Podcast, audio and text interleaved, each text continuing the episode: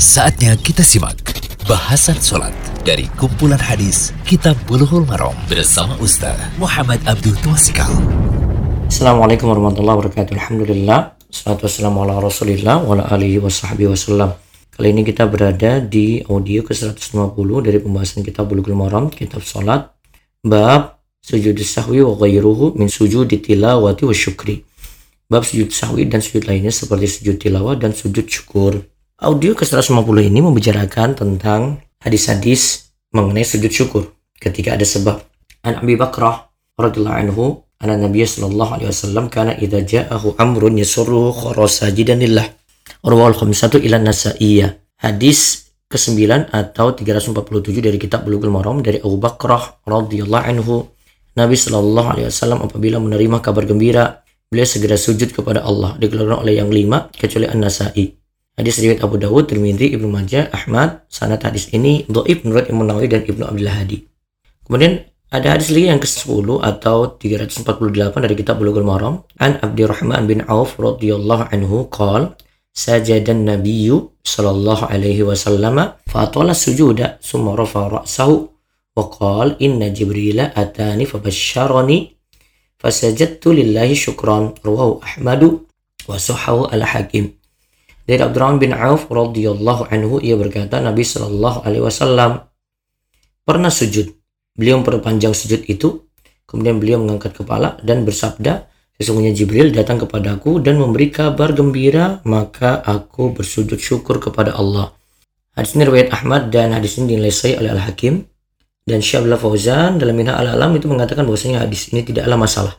Kemudian hadis yang ke-11 atau 349 dari kitab Bulughul Maram Anil Bara' bin Azib radhiyallahu anhuma anna Nabiy sallallahu alaihi wasallam ba'asa aliyan ila al-Yamani fadzakara al-haditha qal fakataba Ali radhiyallahu anhu bi islamihim falamma qara'a Rasulullah sallallahu alaihi wasallam al-kitaba khara sajidan rawahu al-Baihaqi wa asluhu fil Bukhari dari Al-Bara' bin Azib radhiyallahu anhu Nabi Shallallahu alaihi wasallam pernah mengutus Ali ke negeri Yaman.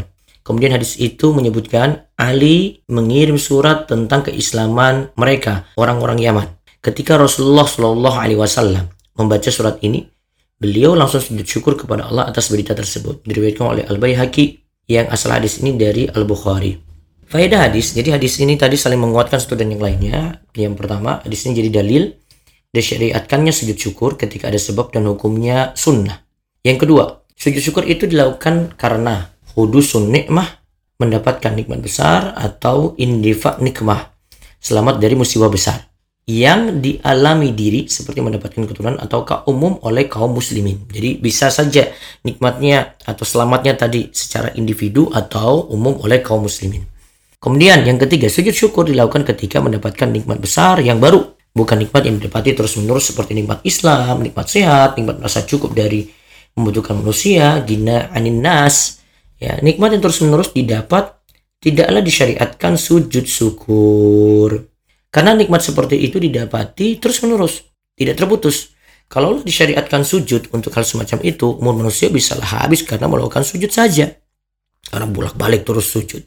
Syukur untuk nikmat yang didapati terus-menerus adalah dengan beribadah dan taat kepada Allah. Nah, itu bentuk syukur dengan anggota badan kita.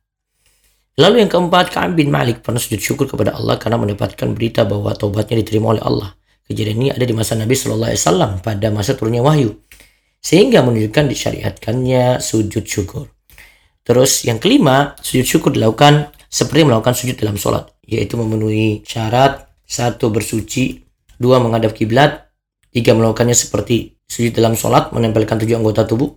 Empat, menutup aurat. Jadi nanti bersuci menghadap kiblat, melakukannya seperti melakukan sujud dalam sholat. Ada tujuh anggota tubuh, ada dahi, dua telapak tangan, dua lutut, dua ujung kaki, lalu juga menutup aurat. Memenuhi seperti ini lebih selamat dari perselisihan para ulama yang ada. Cara sujud syukur adalah seperti sujud tilawah ketika dilakukan di luar sholat. Kemudian sujud syukur keenam dibolehkan dilakukan di kendaraan bagi musafir dengan ima atau isyarat Kemudian ketujuh, jika sujud syukur luput, maka tidak perlu mengkotoknya. Yang kedelapan, sujud syukur tidak boleh dilakukan dalam sholat. Jika sujud syukur dilakukan dalam sholat, sholatnya batal jika mengetahui keharamannya. Allah alam bisawab, semoga jadi ilmu yang manfaat dan kita senantiasa bersyukur kepada Allah. Demikian Bahasan sholat dari kumpulan hadis Kitab Bulughul Maram bersama Ustaz Muhammad Abdul Tuasikal.